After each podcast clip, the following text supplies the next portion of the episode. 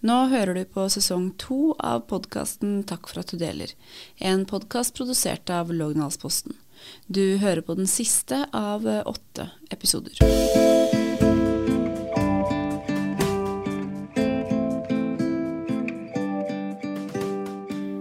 Hjertelig velkommen til eh, sesong to av eh, Takk for at du deler. Mitt navn er eh, Linn Kristin Djønne, og i dag så har vi med oss Ranveig Velle.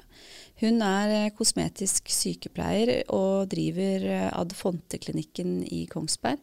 For ti år siden, da hun starta klinikken, så var livet til Ranveig ganske så annerledes. Hun var syk og hadde en restarbeidsevne på 20 Ranveig, hjertelig velkommen hit. Tusen takk, Lene Kristine. Har du lyst til å ta oss uh, litt tilbake uh, i ti år? Hvordan ser livet ditt ut da? Det kan jeg.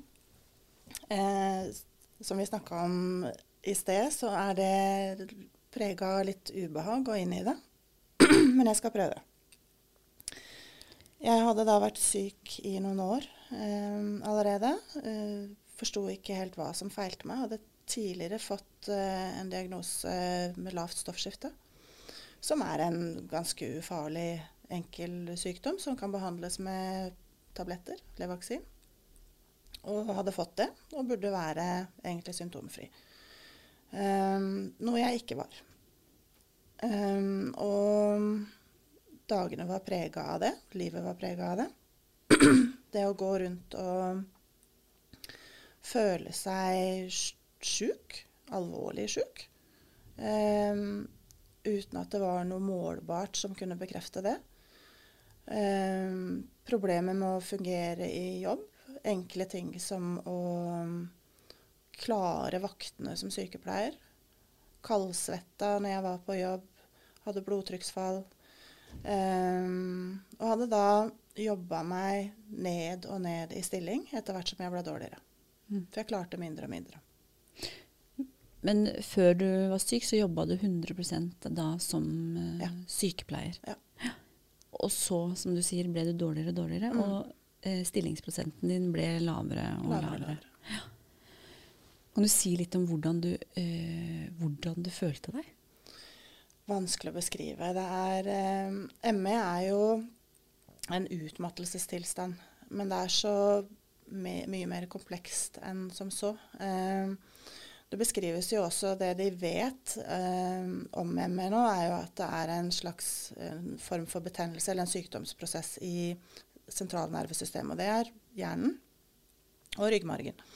Eh, som er de, sentralnervesystemet vårt. Og det, eh, det legger jo føringer, eller det er det som drifter hele kroppen. Eh, så symptomene, når det er sykdom der, så kommer jo symptomene fra hele kroppen. Og det kommer med eh, blodtrykksfall, som jeg nevnte. Eh, da kaldsvetting. Eh, hjerterytmeforstyrrelser. Synsforstyrrelser. Jeg hadde mye problemer med å fokusere synet. Litt sånn tåkesyn. Um, det går på det kognitive i form av å klare å uh, fungere kognitivt, rett og slett. På dårlige dager kunne jeg sverge at jeg hadde en IQ på 50, mm. i beste fall. Vanskeligheter med å prosessere informasjon. Um, jeg husker, og jeg har fått tilbakemeldinger på at jeg var treg i talemåten min. Snakka langsomt. Mm. Um, hadde mye søvnforstyrrelser, problemer med å sovne. Uh, samtidig som jeg sov mye. Men problemet med å sovne inn um, Ja. Så mye, mye liksom fysiske symptomer i tillegg, og, og, smerter. Mye vandrende smerter i kroppen. Det er ikke alle som har ME som har, eh, men mange. Og nå sa du jo egentlig hvilken eh, diagnose du til slutt fikk. Mm. ME, kronisk utmattelsessyndrom. Hvordan var det når du fikk den diagnosen? Som, hvordan det føltes, eller hvordan situasjonen var? Hvordan det føltes? Eh, helt ærlig så føltes det litt sånn kroken på døra. Mm. Eh, jeg var over på Notodden til kontroll av stoffskifte. hos en endokrinolog der. Eldre, dyktig, meget dyktig eh, medisiner. Eh, og blodprøvene var normale. Eh, innenfor stoffskifte, altså. Um, og jeg følte meg så sjuk. og jeg husker jeg spurte den. Altså, hvis alt er normalt, hvis prøvene er normale, hvorfor føler jeg meg da så forferdelig dårlig? Og da hadde du gått med dette her i lengre periode? Mm. Mm. Dette var i 2009, og symptomene hadde vært da og Dette hadde pågått i en, rundt ni år allerede. Mm. Eh, så han, vi hadde en grundig samtale. gikk gjennom, Han spurte meg veldig mye spørsmål. Eh, Så setter han seg tilbake og så sier han, Ranveig, symptomene du beskriver, det er sammenfallende med ME. det. Uh, og jeg husker jeg gikk ut derfra en vinterdag. Ringte bestevenninna mi og gråt. Um, og så husker jeg hun sa de bevingede ord at Ranveig, husk på nå at du er ikke noe sjukere nå enn da du gikk inn. Selv om du har fått et navn på det. Og det har vært en sånn fin setning å ha med seg, egentlig. Men det var litt sånn skjellsettende. Eh, samtidig som det var Når jeg fikk landa det, så var det på sett og vis godt å vite. Ja, hvor merkelig det kanskje enn høres. Eh, samtidig som det var en diagnose som jeg absolutt ikke hadde lyst på. Nei, fordi i og med at du også jobba som sykepleier, så kjente du vel litt til ME fra tidligere? Altså Ja, men lite. Ja. Eh, for dette var, dette var noen år siden, og det var ikke mye snakk om ME da. Eh, det var relativt ukjent. Det eneste jeg visste om det, var at eh, det du vet, at du, det er noe du ikke har lyst på. Mm. Og kronisk utmattelse. Hvem er det som har lyst på, på det? Um, og, og, det var lite kunnskap om det, og det var i hvert fall lite kunnskap om hva man kunne gjøre for å bli bedre av det. Mm. Og det var jo grunnlaget også for mye av fortvilelsen min rundt, rundt, å få det. At jeg hadde en forståelse av at det var ikke noe man kom ut av med det første. Eller man fant en løsning på med det første. At det var ikke noe behandling mot det. da. Men etter at du får diagnosen, eh, så eh, går jo tiden, og etter hvert så bestemmer du deg altså for å starte opp en klinikk. Mm og det er jo litt treff til det du egentlig akkurat nå sier også, at eh, hvordan, hvordan, gjør man det også med en sånn type diagnose? Godt spørsmål. Eh, jeg tror at jeg, eh, jeg, har en iboende evne til å Eller er nok en fighter. Og det har aldri vært noe eh, option for meg å ikke jobbe. For det er så stor del av eh, liksom, identiteten min, personligheten min, som er knytta opp mot det, det, å være sykepleier, det å, å, jobbe. Da. Og jeg er forferdelig glad i yrket mitt. Um, så, og det var jo ikke noe som skjedde over natta. Der var det jo en prosess eh, fra Det gikk jo enda ti år fra, jeg fikk, fra diagnosen ble flagga første gang, eh, til eh, til det snudde. Mm. Um, og det var i forbindelse med et opphold på rehabiliteringssenteret på Rauland. Jeg fikk mast meg dit fordi jeg trengte hjelp til å forstå hvordan jeg skulle mestre denne situasjonen. Mm.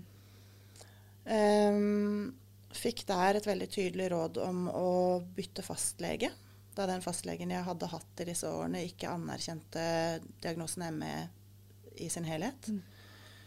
Um, fikk ny fastlege, fikk en saksbehandler på Nav som kunne ME. Og de i samarbeid satt brems på, på meg og på, på, det hele. Så da blei jeg tatt ut av arbeidslivet. Um, og fikk muligheten til å omstille meg, tror jeg. Og resette og begynne å Og fikk ro til å for jeg hadde i, dag, i, årene bare forsøkt og forsøkt og forsøkt og, og jobba så godt jeg kunne og stått på og kjempa. Um, uten å egentlig ha noe spesifikt retning eller å ha noe å være spesielt gjennomtenkt i det. Men da blei jeg gitt ro til å ta inn over meg kapasiteten min, eller mangel på sådan. Um, og kanskje mer strategisk eh, tenke ut muligheter. Mm.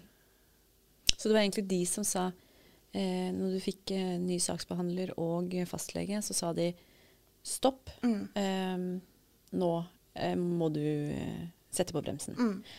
Hvordan var det at noen andre tok valget for deg? Det var tøft. Um, for jeg er en viljesterk sjel. Uh, men det var klokt. Uh, og det ga meg muligheten til å ja, om, omstrukturere og, og begynne å, å, å, resette, egentlig. Mm. Og hva innebar den resettinga for deg, da? Rent praktisk da, så var det jo, da, jeg, da satt jeg igjen med en restarbeidsevne på rundt, rundt 10-20 var det de sa da. Um, etter mye testing og utprøving. For det må man jo igjennom. Um, og, og, så var det OK, Ramei, hvis du har Hvis du skulle hatt en kopp med energi, og du har en teskje, hvordan forvalter du da den teskjea di? ikke sant? Så det blei en veldig sånn OK. Eh, og det som også er vanskelig med ME, er at du har ikke noe forutsigbarhet i symptomene dine. Det skifter fra dag til dag, fra uke til uke. Så det er vanskelig å planlegge. Det er vanskelig å, å tenke seg at man kan eh, OK, nå skal jeg eh, lade i tre dager, og så skal jeg jobbe. Og så skal jeg lade eller restituere da i tre nye dager, f.eks. Det fungerer fint den ene uka, eller en måned. Og så fungerer det ikke i det hele tatt neste. Så da måtte jeg bryte det helt ned, og liksom baby steps. Eh, så jeg fant ut at hvis jeg jobba liksom et par timer, og så kunne jeg da hvile. Og så jobba jeg et par timer igjen to dager etterpå, og så hvilte jeg. Så ser jeg OK, det gikk. Mm. Um, og så bygde jeg stein på stein på den måten. Så det var en litt sånn detektivjobb i å prøve å navigere i det. Og prøve å finne ut hvor går tålegrensa mi. Mm. Hvis jeg yter så mye, hva er cirka hva jeg må betale etterpå? Men det å starte en klinikk virker jo veldig voldsomt på en måte også. Ja, men så var det ikke det, vet du. For det var, på det tidspunktet så var det, det var å leie et, et rom i et behandlerfellesskap. Um, og så er det jo sånn, og fremdeles dessverre vil jeg si, at du kan som sykepleier ta et dagskurs, et helgekurs, og begynne å sette injeksjoner kosmetisk. Mm. Eh, og sånn var det da også. Sånn at da var det mm, ganske enkelt å sette i gang. Og så opplevde jeg jo da Kjente jeg jo ganske raskt at det her å, å begynne å altså bare sette injeksjoner Uh, uten å egentlig gjøre noe med huden og hudens helse. Da. Mm. At det virka litt Det var motstridende for meg. Mm. Um, litt av det samme som å tenke at du legger glasur på en kake som har en forferdelig dårlig bunn. Mm. Uh, og da hadde jeg begynt å få litt oversikt over kapasiteten min. Um, og så fant jeg ut at det fantes et studie i Drammen som du kunne ta modulbasert. Mm. Uh, hvor jeg kunne videreutdanne meg som kosmetisk sykepleier. Eller kosmetisk dermatologisk sykepleier. Da, som gikk over et år. Så jeg begynte å planlegge det, eh, og fikk støtte fra Nav eh, til å gjennomføre den. Uh, så jeg hvilte, og så var jeg der i helger. Um, og hvilte og, og bygde det opp sånn. Mm. Og du var jo litt innom det. Um, akkurat ME er vel en litt sånn for mange litt sånn skrekkdiagnose, egentlig. Uh, fordi man hører historiene om de som uh, blir liggende, f.eks., i mm. mange, mange år. Mm. Uh, og da er jo det store spørsmålet hvordan klarte du å leve med sykdommen og komme dit som du faktisk er i dag. Mm. Og det, jeg, skulle, jeg, skulle, ønske jeg hadde et godt svar på det også. Jeg skulle ønske, virkelig ønske at jeg kunne si at jeg har knekt en kode, så det kunne hjelpe noen andre. Eh, men det, det, som er viktig å vite, er at ME kommer i forskjellige former. Det er forskjellige alvorlighetsgrader av det, og jeg var ikke av de dårligste. Jeg var ikke der at jeg lå på et mørkt rom i ti år. Jeg hadde en veldig nedsatt funksjonsevne. Jeg hadde masse symptomer eh, fra hele systemet mitt. Eh, så jeg var sjuk, men jeg fungerte bedre enn eh, veldig mange som har ME. Eh, og det ga meg jo muligheten til å Når du har dager og timer som, hvor du fungerer, så har du en, helt annen mulighet til å bygge på noe, ikke sant. Mm.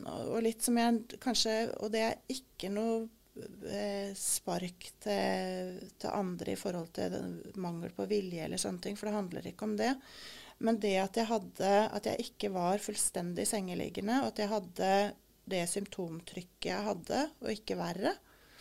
Sammen med kanskje måten jeg snekra sammen på. Da. At, jeg, at personligheten min hele tida vil prøve å drive meg framover og framover og framover. At det er noe der. Har man sett noen sammenheng med altså, noen årsaker til hvorfor man får ME?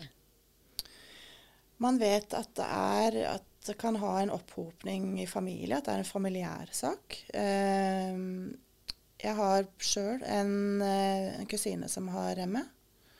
Uh, men ikke, så ikke nær familie sånn sett. Ehm, og man, altså man, ser jo ofte at det kommer etter type infeksjoner eller bakterieinfeksjoner som, som kyssesyke. Um, flåttbitt kan Ikke sant. Sånne ting. Um, og så har jo jeg min tanke uh, om min situasjon, ikke sant. Hva, hva, hva, er din, hva, er din, teori på hvorfor du fikk det? Jeg tror jo at litt sånn som livet generelt, at det handler om eh, litt summen av ting. At vi kan tåle én ting, eh, komme deg. Du kan få en ting til og komme deg fra det. Eh, men blir belastning Det er et system. Vi har, et, vi har en kropp eh, som er et system, som er ganske fin, eh, fininnstilt. Eh, og blir belastningen for stor på det systemet over tid, så tror jeg at, er, at vi har en helt annen sårbarhet da, eh, for sykdommer. det ser vi i andre sykdommer, og det tror jeg er gjeldende her også. Uten at det, det er kun min erfaring med meg, ikke sant. Eh, og jeg tror absolutt at man kan gå fra å være fullt frisk, oppegående og ikke ha hatt noen belastning, og bli ordentlig dårlig av ME. Mm. At det er en, en uh, del av det, eller at det er en Ja. Men at også Jeg tror for min del at det handla mye om totalen. Så eh, stress, egentlig. Både fysisk og psykisk fysisk over tid. Fysisk og psykisk stress over tid. Eh, og kanskje også en del personlighet, ikke sant. Og, og igjen kun mine tanker. Eh, men når jeg har snakka med si, kusina mi eller andre som har ME, så ser jeg likheter. De har vært eh, ja-personer. ikke sant? Litt sånn flink pike-syndrom. Som yter og yter og yter og yter, og aldri kanskje helt Eh, respekterer egne grenser. Mm. Um, så det, det, er en tanke jeg har, da. Uten at det kan bevises på, på noe som helst måte. Men hvordan er det uh, for deg i dag, da, med tanke på akkurat det vi snakker om nå? Med både grensesetting og ja-person osv.? Jeg har jo måttet kode meg litt om. Um, og det har vært det er kanskje noe av det liksom det som har vært vanskeligere oppi dette her. Uh, for jeg er jo veldig, jeg er veldig bevisst på at der jeg var, skal jeg ikke tilbake til. Eh, og så må man da som et eh, voksent menneske prøve å gjøre de Eller ta de grepene og ta ansvar, sånn at jeg prøver å forhindre at jeg kommer dit. Så godt jeg kan. og jeg, jeg, tror jo da at mye handler om å prioritere energi. Eh, og endre mønstre som kanskje ikke gagna meg, som, kanskje, som jeg tenker har bidratt til å sette meg i den situasjonen jeg er i, eller har vært i. Um, det, så det handler jo om å på en måte legge ned lista for meg sjøl. At eh, alt fra det daglige til uh, rengjøring og man, hvordan man liker å ha ting. Uh, det er kanskje ikke det verste. Det er, kan man jo på en måte kan lære seg å leve med litt mer hybelkaniner. Eh, det som har vært verre, har vært å Det er så mange ting man som menneske har lyst til. Eh, og jeg er, er, nok veldig der at jeg hele tiden har tanker og planer og ting jeg vil, og har en sterk vilje. Det, så det som har vært mer utfordrende, er jo på en måte å stoppe meg sjøl i ting jeg har lyst til, og, og unnlate lystbetonte ting. Ikke mm. sant? Mm. Um, og så er det jo noe med å prøve å ikke lekke energi um, på ting som man ikke trenger å lekke det til. Så jeg har nok fått en veldig bevissthet i forhold til hva og hvem eh, jeg omgir meg med. At jeg i situasjoner, omstendigheter, relasjoner som er gode for meg. Mm. Um, at jeg har hatt, ja, blitt mer bevisst på det. Mm. Altså nå er det jo sånn at du har eh, en eh, klinikk, som jeg nevnte innledningsvis, som eh, heter Adefonte-klinikken. Du har tre ansatte. Ja, vi er tre sammen. Sammen, ja. ja. Og omsetter for eh, nesten fire millioner kroner. Hva vil du si at har vært på en måte suksessfaktoren med det som du også har stått i, da, som du har vært gjennom mm. nå? Jeg tror jo uavhengig av hvilket yrke man er i. At hvis du skal Uh, eller uavhengig av hva du gjør her i livet. Uh, at hvis du skal lykkes i noe, så må det må ligge en lidenskap der. Og, og, det er litt artig, for da jeg, da jeg starta med dette her, så var det nokså utelukkende en mulighet for å holde meg yrkesaktiv. Og jeg hadde en del tanker om det inn i det, at jeg liksom var redd for at det kom til å bli en, en sånn overfladisk eh, sak. Eh, kosmetisk sykepleie høres jo fryktelig overfladisk ut. For det var jo ikke det du jobba som, bare for Nei. å få det på klare, det var ikke det du jobba som tidligere? Nei. Jeg jobba eh, hovedsakelig innen rus, eh, ruspsykiatri og, og, eldreomsorg. Så en ganske annet, eh, ganske annen del. Um, men så er det jo sånn at uh, møte mellom mennesker, enten det er i psykiatri eller rus eller innenfor kosmetisk sykepleier eller på en vanlig sengepost, så er ikke det overfladisk hvis du ikke gjør det til det.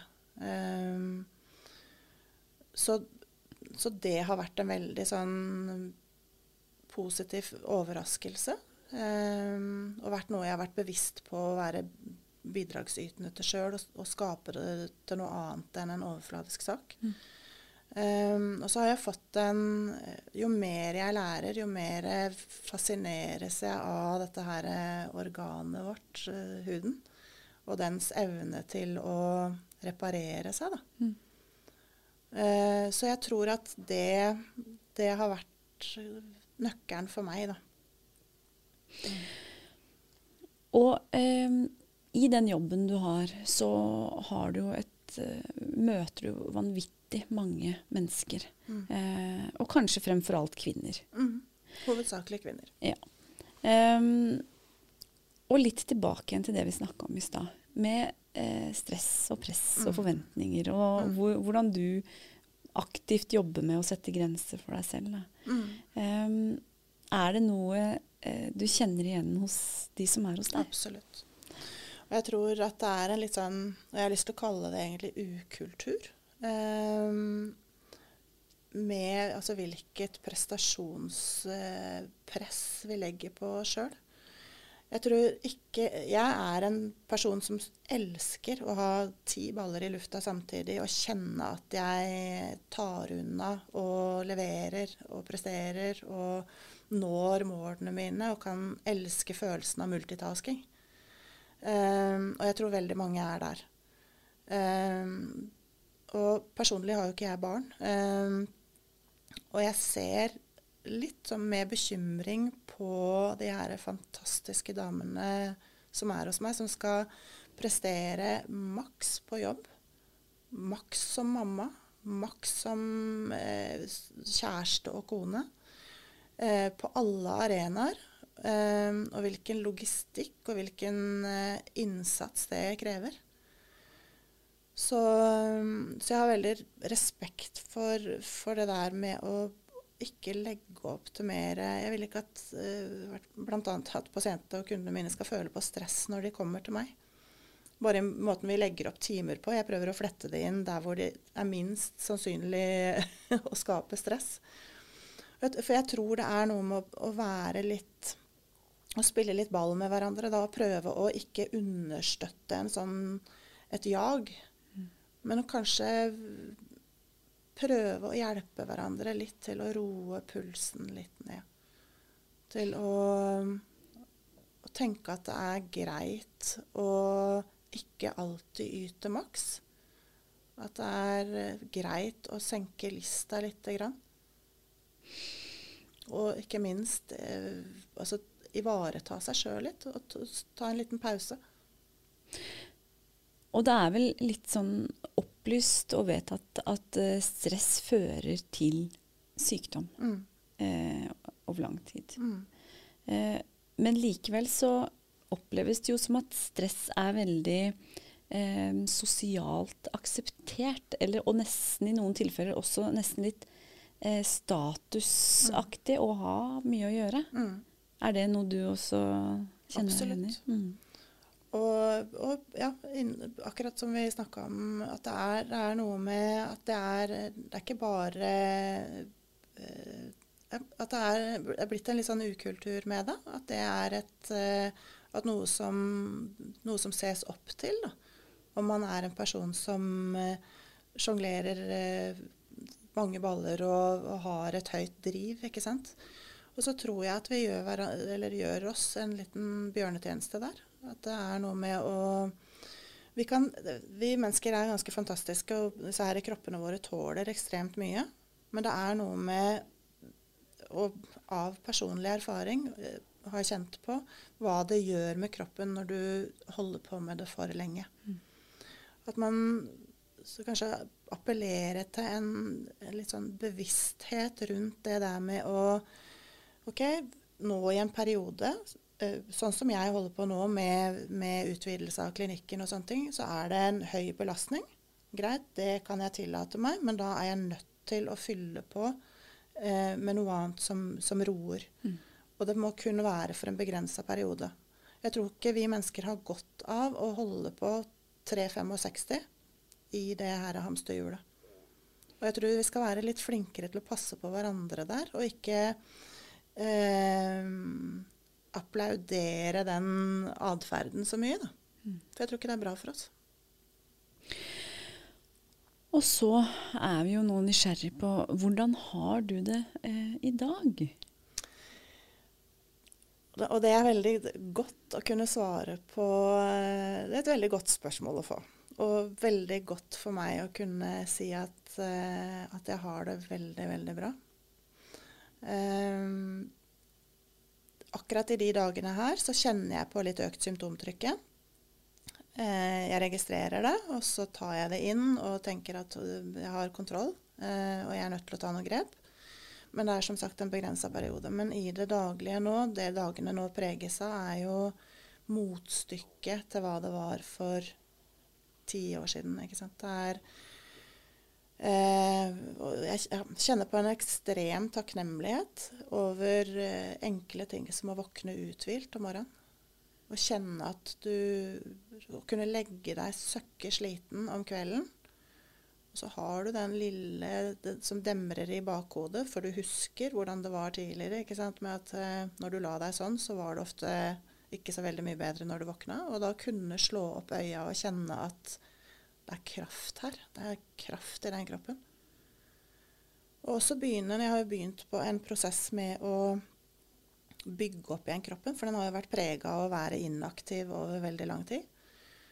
Og det å kjenne på også en sånn fascinasjon over hva kroppen er i stand til. Da.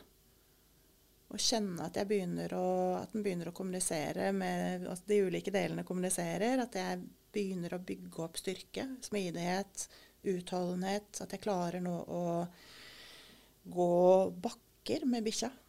Eh, uten, å, uten å kjenne at det forverrer noe som helst, sånn som det gjorde tidligere.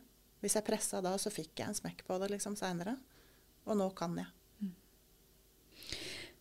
Er du redd for um, å bli uh, syk igjen? Altså så syk som du var? Ja. Um, og det er, en, det er en sår ting. Um, for vi mennesker liker jo å føle oss litt uh, uovervinnelige. Eller vi liker å Og jeg er også veldig der at jeg, jeg, vil veldig gjerne kunne sagt at jeg har lagt dette bak meg. At det ligger i fortiden. Um, men jeg er bevisst på at uh, det er ikke det. det er, jeg er ikke 100% frisk. Men jeg er vesentlig friskere enn hva jeg var. Um, og så stiller det noen krav til meg framover for å holde meg sånn. Og så har jeg også planer om å bli bedre. Det sånn, men det er en sånn kontinuerlig prosess. Men frykten, ja, den, den, er der. Og den kjenner jeg nok på hver gang jeg får en symptomøkning. Og det er nok ikke rart. Det var et forferdelig skitt i stedet å være, for å være helt ærlig. Men frykten kan vel kanskje også være med på å regulere? Mm. Det er sant. Og så er det Og det er, jeg, jeg, føler at jeg driver en litt sånn eh, stram linevandring. Eh, og frykten er med på å holde meg eh, på lina. Eh, og, og, holde den her bevisstheten på å ikke ja, på Bevisstheten på hva jeg bruker energi på, da. Og hvordan jeg fyller på i livet mitt. Um, men utover det så tenker jeg jo ikke at frykt er så konstruktivt. Så det, jeg prøver å navigere, jeg prøver å holde meg mer i en status av eh, vilje og mot, tror jeg. Og håp. Og eh, du som sagt har også som mål å bli enda eh, bedre i formen. Mm. Hvor mye arbeidskapasitet vil du si at du har nå, cirka? Det er vanskelig å, å sette en eh, prosent på det, eh, fordi det varierer enda. Eh, men på gode dager, uker, så er jeg tilbake 100. Og det er målet. Så målet mitt er, eh, og planen, eh, er å si fra meg eh, uføreytelsen i første omgang Um, så er det sånn at Når du sier fra deg ytelsen, så har du fremdeles vedtaket i en femårsperiode. Og det handler om altså, hvis tilstanden skulle forverres igjen. Så det er et par støttehjul som jeg syns er greit å ha. Men målet mitt er helt klart å ut av hele ytelsen og, og vedtaket, altså. Ranveig, tusen hjertelig takk for at, eh, Takk for at jeg fikk komme. Du tok deg tida og kom hit. Og ikke minst lykke til med klinikken. Tusen takk.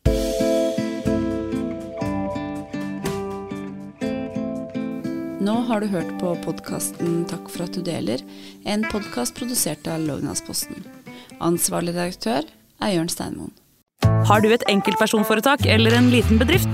Da er du sikkert lei av å høre meg snakke om hvor enkelt det er med kvitteringer og bilag i fiken, så vi eh, gir oss her, vi. Fordi vi liker enkelt.